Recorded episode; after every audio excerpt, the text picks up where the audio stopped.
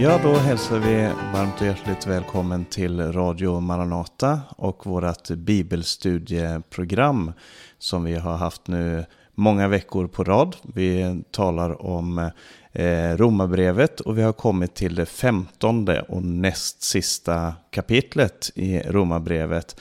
Eh, det här kapitlet handlar mycket om förhållandet mellan de starka och de svaga i församlingen, precis som kapitel 14. Sen så går han över till att tala mycket om, om hoppet som vi har i Kristus och till slut så är det en del eh, hälsningar i det här eh, kapitlet. Och det kommer också nästa kapitel som då blir sista handlar en del om eh, hälsningar men jag tror att också där finns det eh, mycket av, av eh, både undervisning och applicering som man kan hämta. Och vi som är samlade över internet det är eh, Hans Lindelöv i Sverige och Berno som också är i Sverige och jag Paulus Eliasson som är i eh, Rumänien. Eh, och jag ska överlämna ordet till dig Hans så ska du få eh, dela den första delen av kapitlet med oss här. Varsågod. Ja, jag läser alltså från Romarbrevets femtonde kapitel och från vers 1 till och med vers 12. Som som följer. Vi som är starka är pliktiga att bära det svaga skröpligheter och att icke leva oss själva till behag. Var och en av oss må leva sin nästa till behag, honom till fromma och honom till uppbyggelse. Kristus levde ju icke sig själv till behag, utan med honom skedde så som det är skrivet. Dina smädares smädelser har fallit över mig. Ty allt vad som fordom har blivit skrivet, det är skrivet oss till undervisning för att vi genom ståndaktighet och genom den tröst som skrifterna giva ska bevara vårt hopp.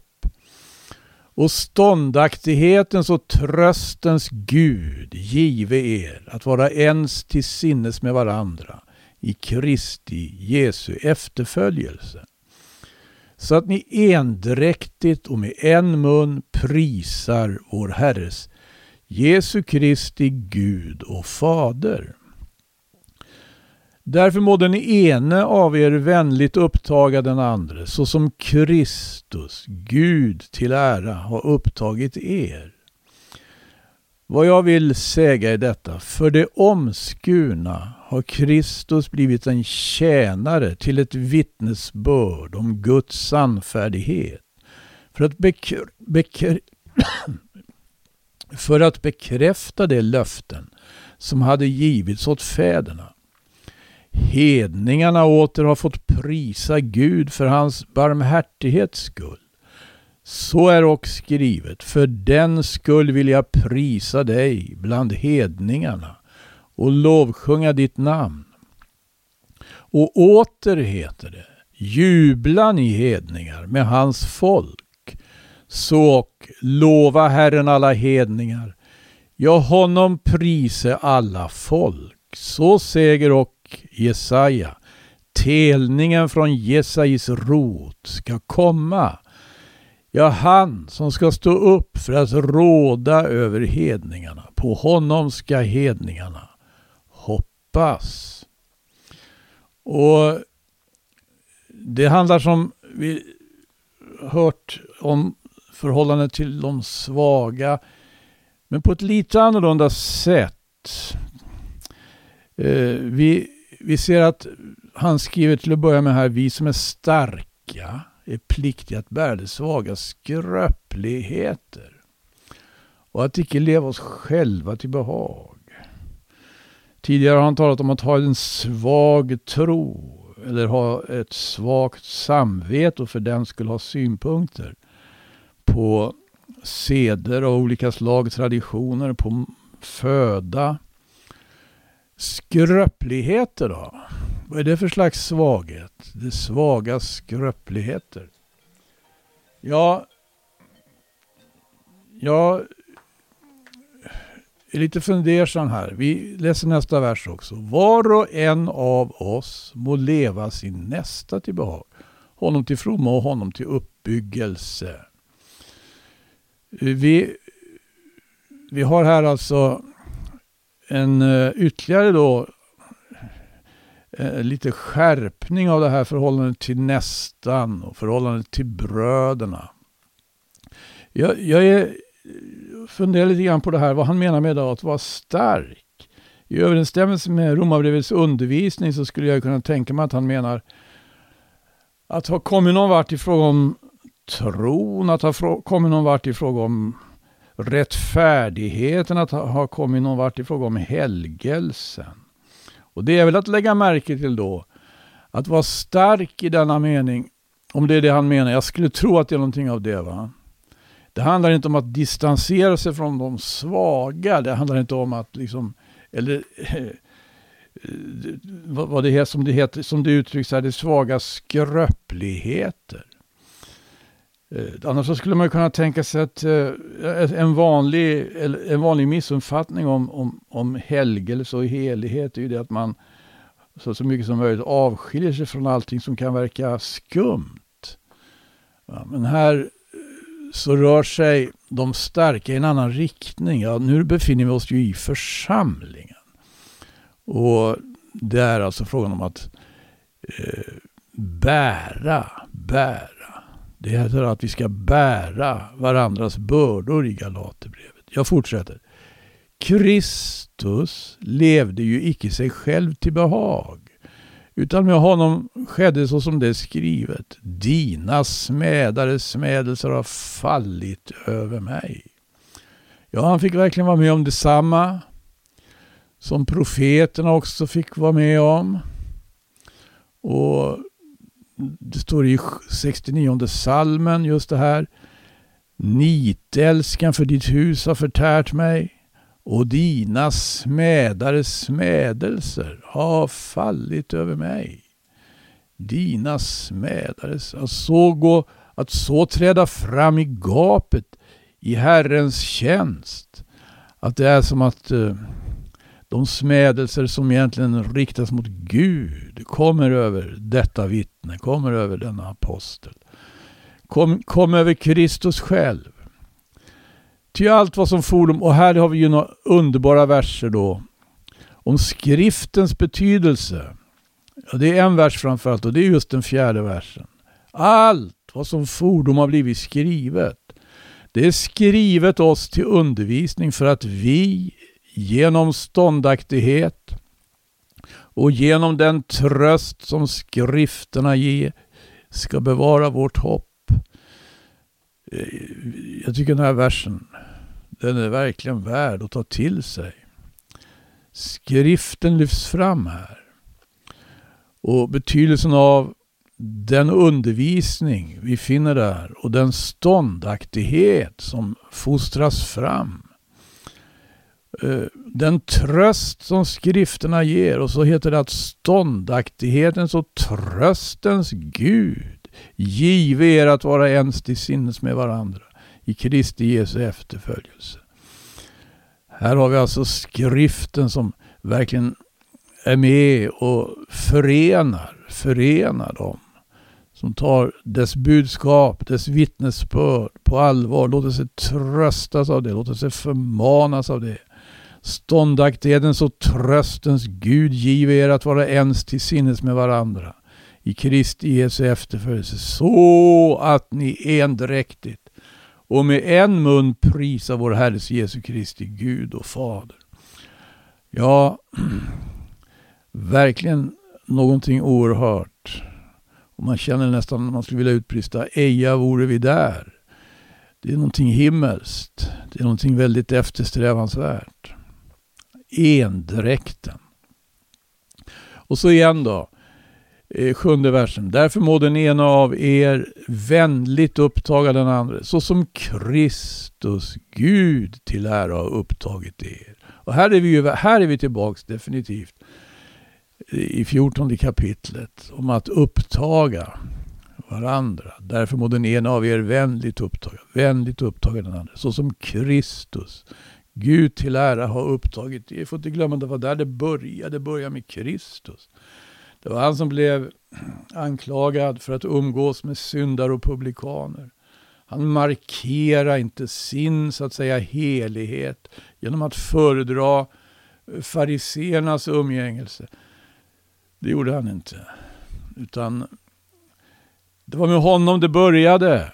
Han upptog människor på ett vänligt sätt.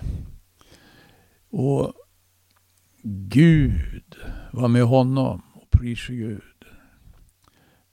Vi, vi har den tillförsikt. Han är med oss också när vi följer Jesus Kristus. Och så kommer de här två verserna. Som jag vet inte vad. Eh, som tycker jag har så oerhört innehåll. Va?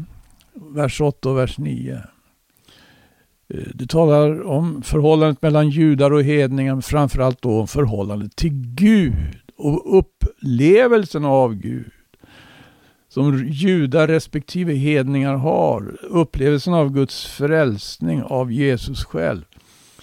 Vad jag vill säga är detta, för det omskurna har Kristus blivit en tjänare till ett vittnesbörd om Guds sannfärdighet för att bekräfta de löften som hade givits åt fäderna. För det omskurna, lägg märke till hur oerhört omsorgsfullt han här placerar Kristus i historien, i det judiska folkets historia. Han har blivit en tjänare till ett vittnesbörd om Guds sannfärdighet. Den Gud som uppenbarar sig för Abraham, den Gud som uppenbarade sig för Mose, den Gud som gav Elia uppdrag och alla profeterna. Herren Jesus har blivit en tjänare för att, eh, till ett vittnesbörd om att den guden är sannfärdig. Den guden är sannfärdig. Och löftena som gavs åt fäderna, de gavs inte för intet.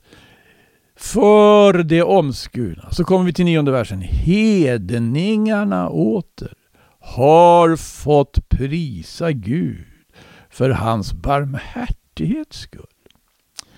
Så är också skrivet, för den skull vill jag prisa dig bland hedningarna och lovsjunga ditt namn. Alltså, för det omskurna, för judarna har Kristus blivit vad då en tjänare. Men hedningarna åter har fått prisa Gud. Det här, vad, vad, vad vi hedningar möter i Jesus, det är alltså omedelbart ett möte med Gud.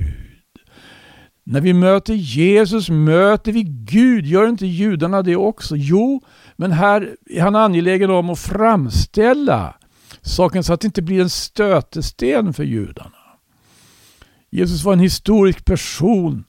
Han gick omkring, han var en jude bland judar. Han befallde aldrig någon att falla ner och tillbedja sig. Det gjorde han inte. Men om någon gjorde det så hade han inga invändningar. Och ibland så liksom ställde han en prövande fråga av den karaktären. Någon sa Gode mästare.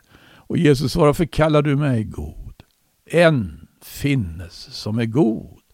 Och liksom eh, att det betonas här att för de omskurna att Kristus har blivit en tjänare. Jag, jag tänker också på Apostlagärningarnas fjärde kapitel och, och 27 vers. Där den, den kristna, för tidiga kristna församlingen är samlad i bön och beder efter att de har blivit frigivna då. De är ju underkastade förföljelse. En, en enorm bön här. Det heter så här i 29 versen i, i, i Apostlagärningarnas fjärde kapitel. Och nu, Herre, se till deras hotelser och giv dina tjänare att de med all frimodighet må förkunna ditt ord.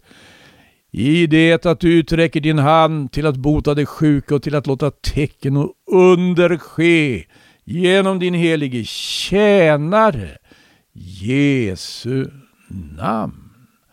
Men översättningarna är inte överens på den här punkten. Utan så pass betydande översättningar som Karl XII och King James, de, de, de skriver inte här tjänare utan son eller barn. Guds son, Guds barn. Den ryska bibeln har tydligt och klart son. Guds son. Eh, tjänarskapet liksom placerar ju Jesus mer på ett jämlikt plan med Mose och profeterna.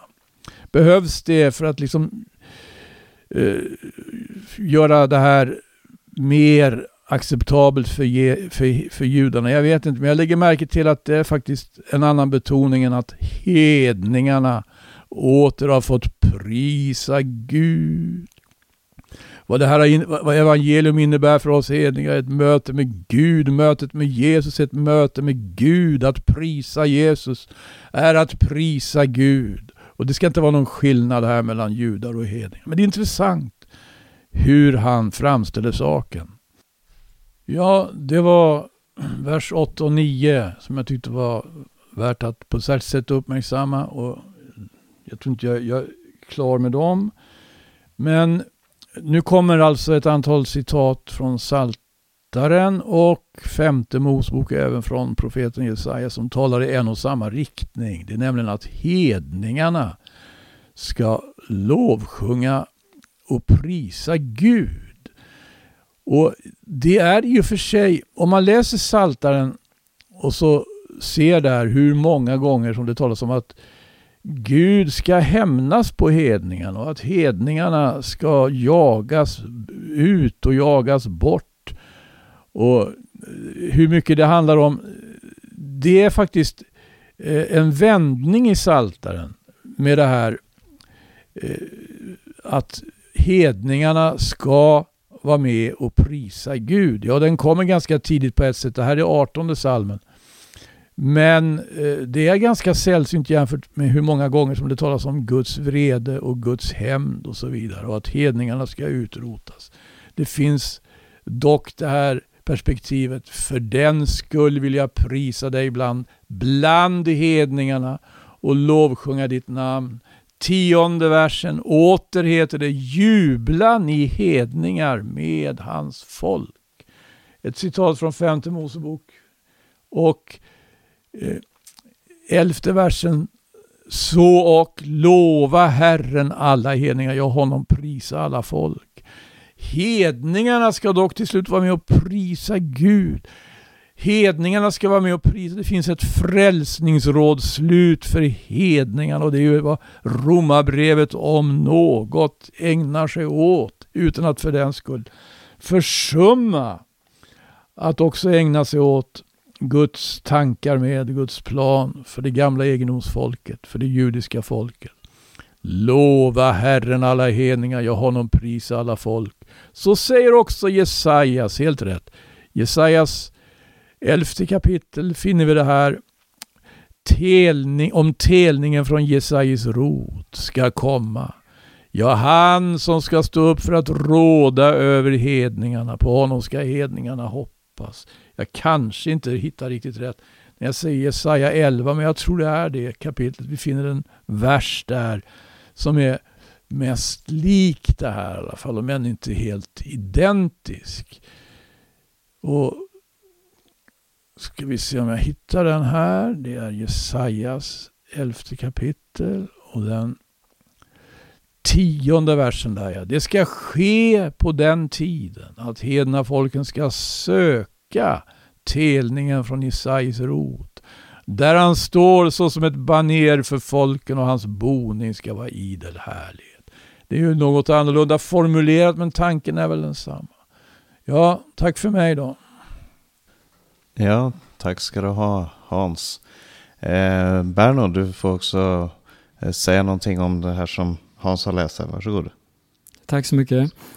Eh, vi är inne här i slutet av eh, Romarbrevet och man, man anar och man, ja, man ser här hur omsorgsfullt eh, Paulus verkligen har eh, författat det här brevet. Både för judar och hedningar. Han presenterar det på ett sätt som gör att eh, ingen kan förhäva sig ingen blir förödmjukad, men däremot så ser vi att vi, hamn, ja, vi får rätt position till varandra, till, till eh, Kristus framför allt. Och i, i, i de här verserna som Hans har läst så eh, måttstocken tycker jag är Jesus. Det står hur vi ska tjäna vår nästa och så står det Kristus tjänade ju inte sig själv. Och eh, längre fram i vers 5 var eniga med varandra efter Kristi vilja. Och vers 7 då, så som Kristus har tagit emot er. Och Paulus han, han brukar ju också lyfta fram sig själv. Han ställer sig själv på, i gapet på ett sätt och säger att jag önskar att jag vore förkastad om det kunde vinna mina medbröder. Eller bli mina efterföljare, säger han i andra brev, så som jag är Kristi. Så det, jag tycker det är en enorm avslutning på det här brevet, även om vi inte har kommit till slutet ännu. Tack. Mm. Ja, nej, och, och, eh, jag nämnde ju någonting här i tidigare kapitel om att jag ser det, det här eh, förhållandet mellan de starka och de svaga, eller identifieringen av de starka och svaga, som att det handlar just om de eh, hedningarna som då hade en starkare position eh, och som kanske också till viss del hade mognat eh, mer eller gått om på, på vissa områden. Eh, eller kanske hade en, en eh, annan förståelse av saker och ting än det de judiskt troende i församlingen hade. Och det ser man, tycker jag, i, i det här kapitlet eh, framförallt. Det här är en slags nyckel till, eh, till det här där han talar om att hedningarna får prisa Gud, Kristus har blivit de omskurnas tjänare och hedningarna ska få prisa Gud tillsammans med dem. Eh, och, och, jag tycker det här också är en fantastisk text. Jag läste faktiskt det här Må uthållighetens och tröstens Gud hjälpa er att vara eniga med varandra efter Kristi Jesu vilja, så att ni alla med en mun prisar vår Herre Jesu Kristi Gud och Far. Ta därför emot varandra så som Kristus har tagit emot er till Guds ära. Den texten hade jag som eh, predikotext under en vigsel som vi hade här i Rumänien för några veckor sedan och satte fokus på det här, ta därför emot varandra. Att, eh, att eh, både det, det kristna livet, förhållandet till, till världen, förhållandet till varandra och förhållandet till äktenskapet handlar om att eh, lära sig att ta emot människor och hjälpa människor som, som är i en annan situation. Men jag ska fortsätta att läsa här också ifrån Romarbrevet 15 och läser den trettonde versen som egentligen hör ihop mycket med det som Hans har läst här eh, och till, fram till den eh, 21. Där står det så här, må nu hoppets Gud fylla er med all glädje och frid i tron så att ni överflödar i hoppet genom den helige Andes kraft. Mina bröder, för min del är jag övertygad om att ni själva är fyllda av godhet och uppfyllda av all kunskap och att ni också eh, kan förmana varandra. Ändå har jag delvis järv, eh, skrivit ganska järvt till er för att påminna er i kraft av den nåd som jag fått från Gud. Jag är Kristi Jesu tjänare bland hedningarna i helig prästtjänst för Guds evangelium, så att hedningarna blir ett offer som Gud med glädje tar emot, helgat genom den heliga Ande. Alltså har jag en ära i Kristus Jesus i min tjänst inför Gud. Jag vågar inte tala om annat än det som Kristus har gjort genom mig för att föra hedningarna till lydnad genom ord och gärning, genom kraften i tecken och under, genom andens kraft. Så har jag från Jerusalem och runt omkring ända till Illyrien överallt predikat Kristi evangelium. Jag har satt en ära i att förkunna evangeliet där Kristi namn ännu inte är känt, så att jag inte bygger på en grund som någon annan har lagt. Det står ju skrivet, de som inte har fått budskapet om honom ska se, och de som inte har hört ska förstå. Och eh, det, Han börjar här med att tala om hoppets Gud och knyter an till till det här hoppet som eh, de äger nu i Kristus, både hedningarna och eh, judarna. Eh, och sen så ger han lite tankar omkring sin egen tjänst inför Gud.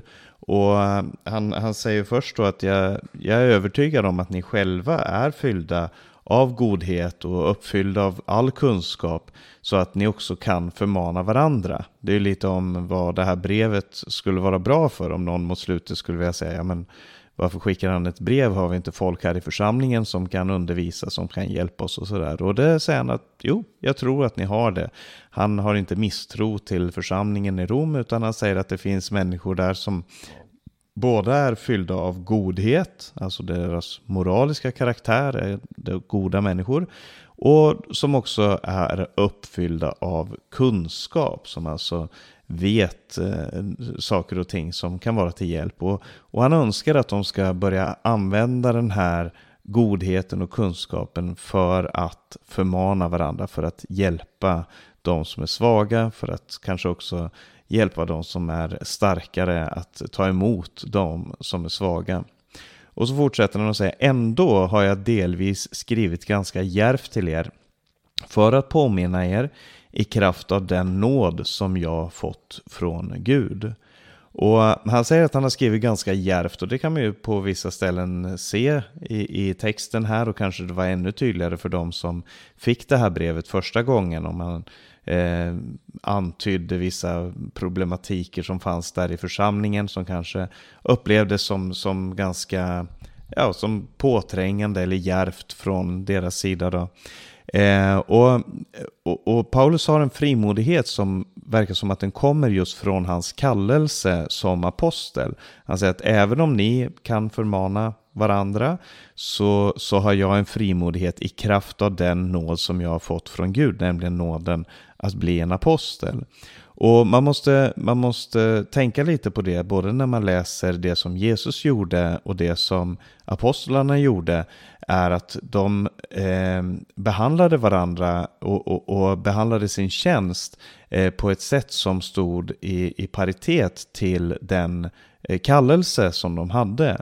Eh, och, och, det är lätt att man använder Jesu eller apostlarnas eller Gamla Testamentets profeters attityd och säger att det här är den rätta attityden. Och, och det var det för dem där och då.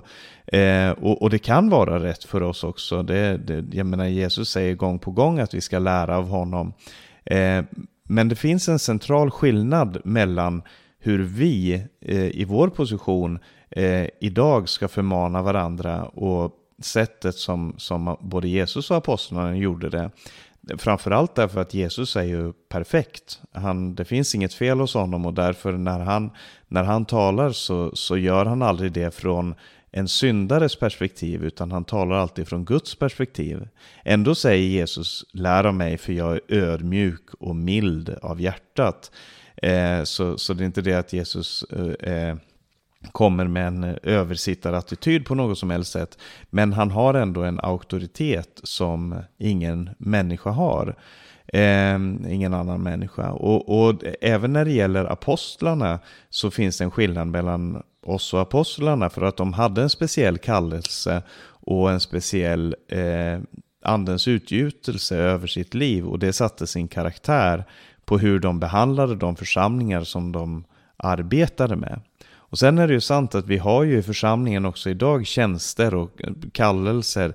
Eh, vi, har, vi har tjänster som, som Gud kallar sin församling till. Och, och eh, jag tycker att den här eh, texten, Paulus utvisar en försiktighet här, men samtidigt som han bär i sin hand en kallelse som han har fått. Och det tror jag att vi behöver göra också. Behandla varandra med den ödmjukhet som krävs när vi vet det vi vet om oss själva, om vår egen svaghet, om vår egen synd eh, och så vidare. Och så förstå att vi är bräckliga kärl som Gud i sin nåd kan använda eh, så länge vi fortsätter i ödmjukhet och mildhet. För det, det är i samma ögonblick som vi slutar med det som, som eh, det inte längre fungerar. Eh, så fortsätter han här och säger, jag är Kristi Jesu tjänare bland hedningarna i helig prästtjänst för Guds evangelium, så att hedningarna blir ett offer som Gud eh, som Gud med glädje tar emot, helgat genom den heliga Ande. Och här så utvecklar han då tankar omkring den här tjänsten som han hade inför Gud och säger att han är i helig prästtjänst. Och han presenterar sig själv som en Gamla testamentets präst, inte så som vi tänker präster idag, men han såg sig själv som en präst som bar fram ett offer för Gud. Och det här offret var alla de människorna som kom till tro. Han gick från stad till stad och verkade som ett ambulerande tempel, som en ambulerande präst. Alltså vanligtvis så hade ju då prästen sin tjänst i Jerusalem. Och även om det var några år, bara några år kvar tills templet i Jerusalem skulle förstöras, så vid det här ögonblicket så, så stod templet fortfarande i Jerusalem. Men han såg sig själv som en ambulerande präst och ett ambulerande tempel som överallt bar fram eh, offergåvor till Gud som var de hedningar som kom till tro. Eh, och, och, vi kan ju jämföra det här med vår tjänst som är liknande även om den inte är helt identisk. För att Petrus säger att eh, hela församlingen är ett heligt prästerskap.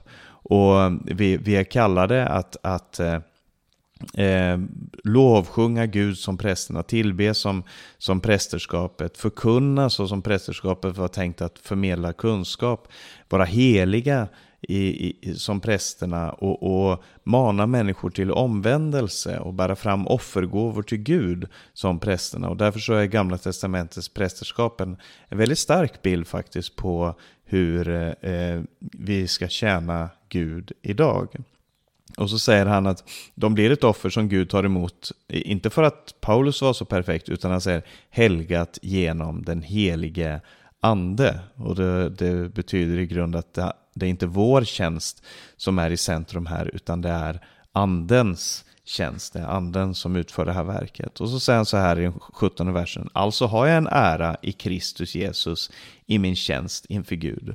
Och, och prästens ära, om man, om man säger så, den prästtjänst som han eh, drar paralleller till, det, den tjänsten var ju att ära Gud. Det var ingen ära som skulle tillfalla prästen, förutom det faktum att han eller hon var satt där för att ära Gud. Och allt det som man kunde se hos prästen som var gott, som var vackert, som var, eh, som var strålande, det var ju sånt som prästen hade fått för sin tjänst. Och, och det är så aposteln upplever sin egen tjänst också. Och sen, jag vågar inte tala om annat än det som Kristus har gjort genom mig för att föra hedningarna till lydnad genom ord och gärning, genom kraften i tecken och under, genom andens kraft. Så har jag från Jerusalem och runt omkring ända till Illyrien överallt predikat Kristi evangelium.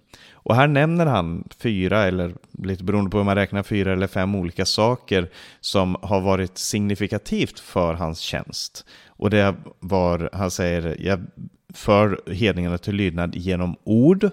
Det är ju den förkunnelse som han bar fram.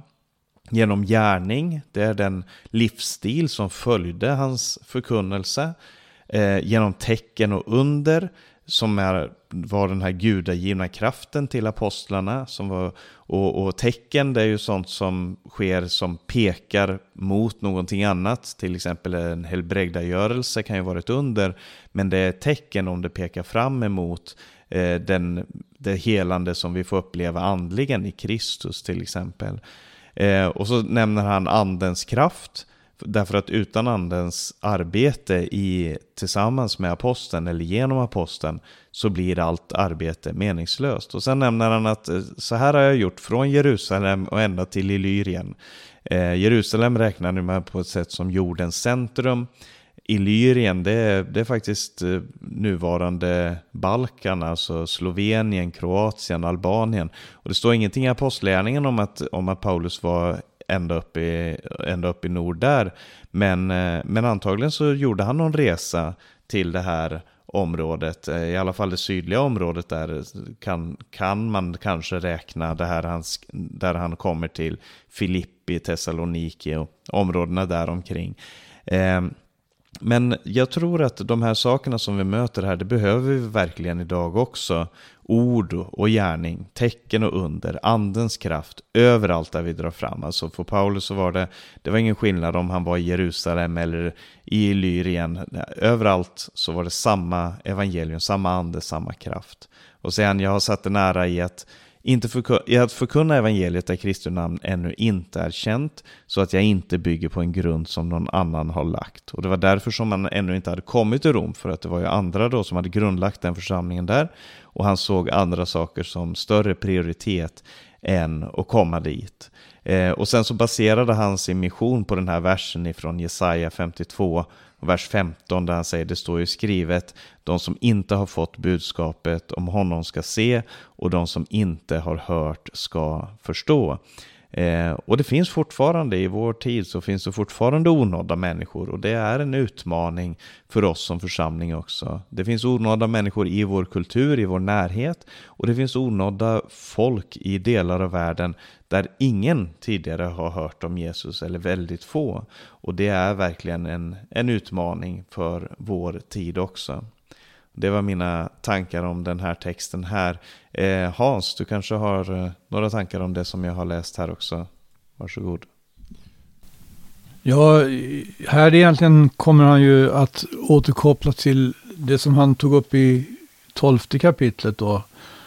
Att frambära sina kroppar till ett Gud välbehagligt offer. Här står han eh, som präst och är själv med och frambär hedningarna såsom ett välbehagligt offer åt Gud. Det är en väldig bild och den återkommer ju eh, vid andra tillfällen i hans brev. Jag tror att i Filipperbrevet så talar han om att frambära offret av deras tro i Filippi.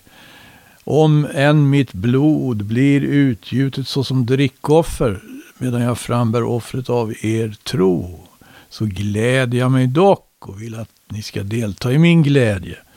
Ja, den här aposteln, han hade verkligen en enorm glädje. Och det kommer också på många vis fram i det här brevet och i det här kapitlet. Mm. Ja, tack ska du ha.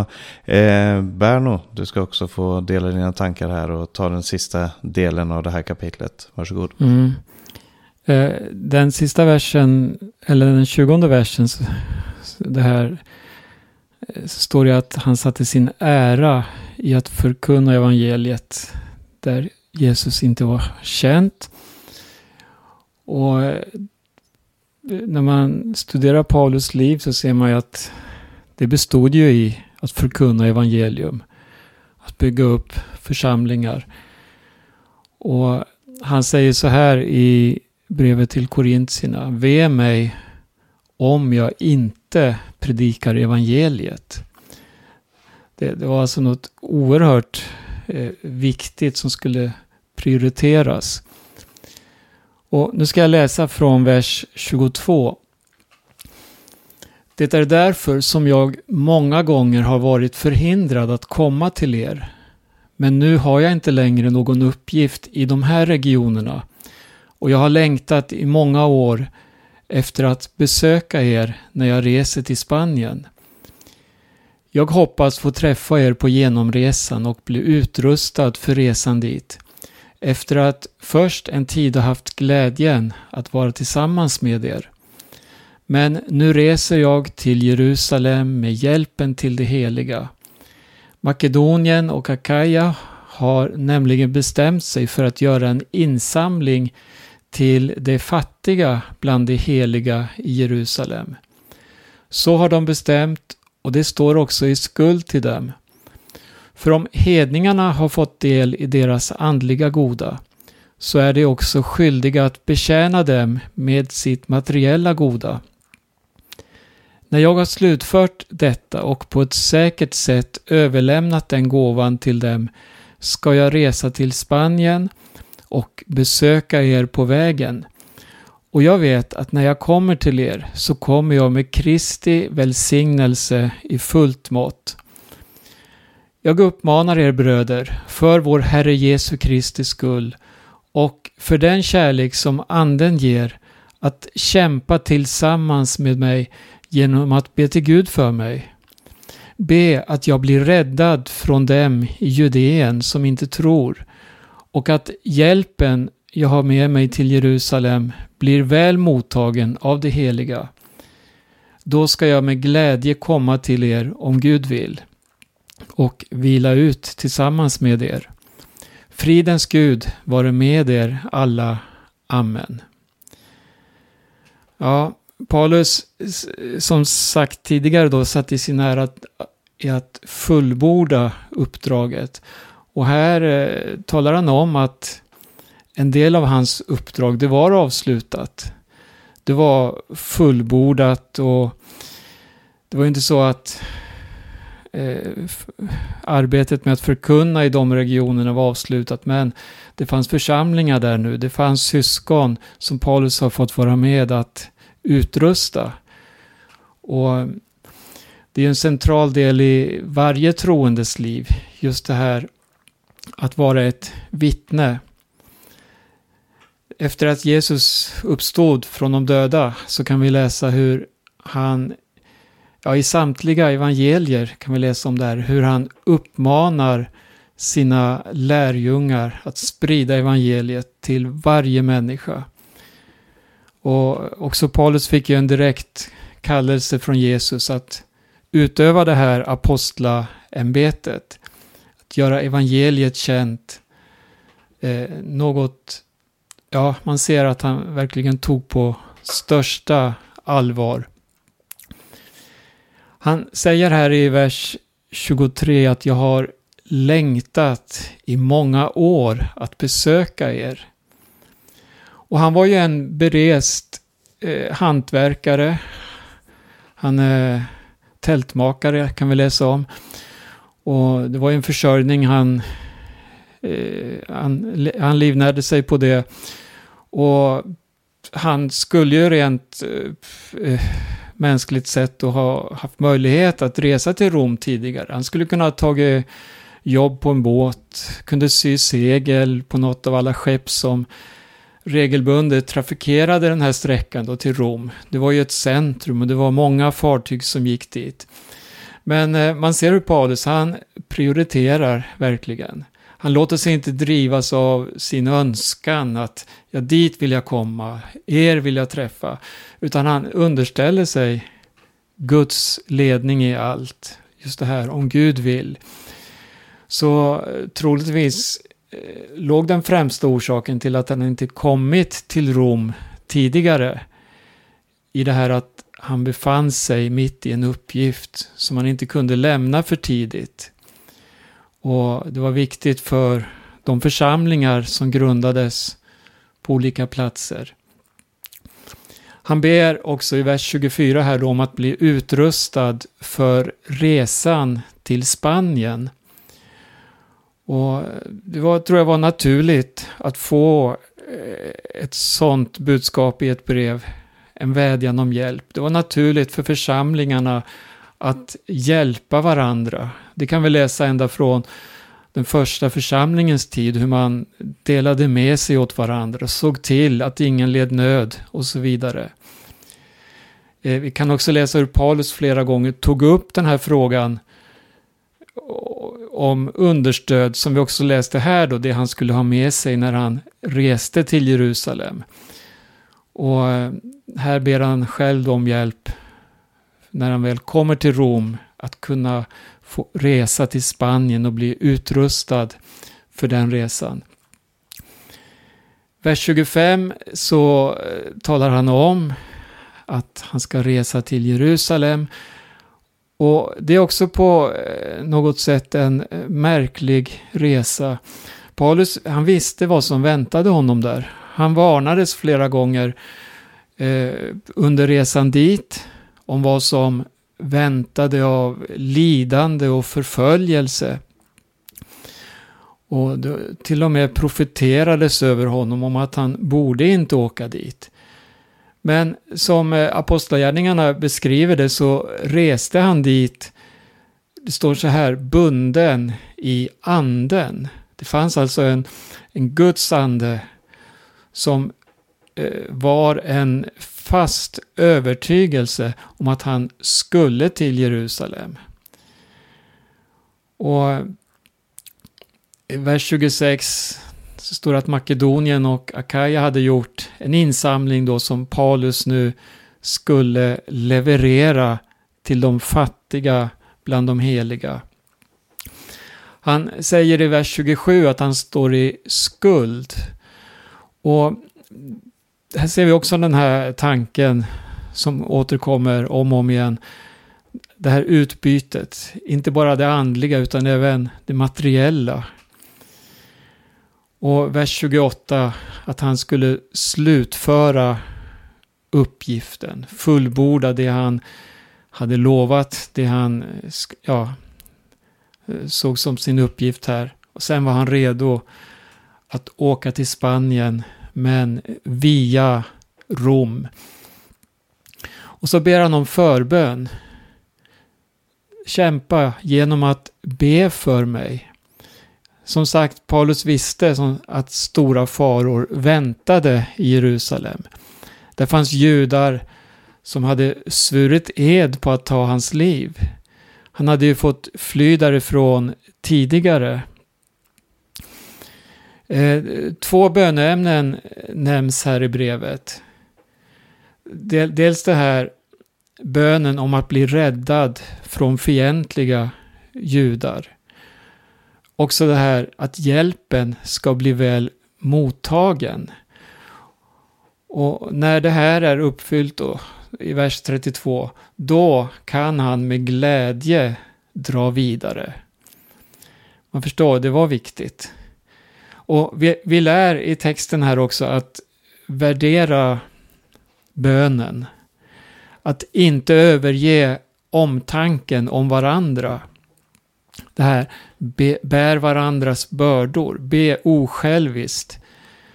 Och om vi äger Guds ande och den utgivande kärlek som eh, manifesteras därigenom, ja, då gör vi också gott för vår nästa. Det, det hör till den naturen vi har fått genom evangelium. Och sista versen, fridens Gud vare med er alla. Amen. Som sagt, bönen och omsorgen gör att vi frimodigt också kan önska varandra frid ifrån Gud. Amen. Amen. Tack ska du ha, Berno. Eh, Hans, du har säkert några tankar om det som Berno har läst här också. Varsågod. Det är ju verkligen områden här som han rör sig på. Va? Det är ju det är Rom, Spanien, Jerusalem. Va? Det är Medelhavsländerna, det är Europa, det är Mellanöstern. Eh, områden som i vår tid eh, vi blir dagligen påminda om. Och, eh, det profetiska ordet står ju fram då också.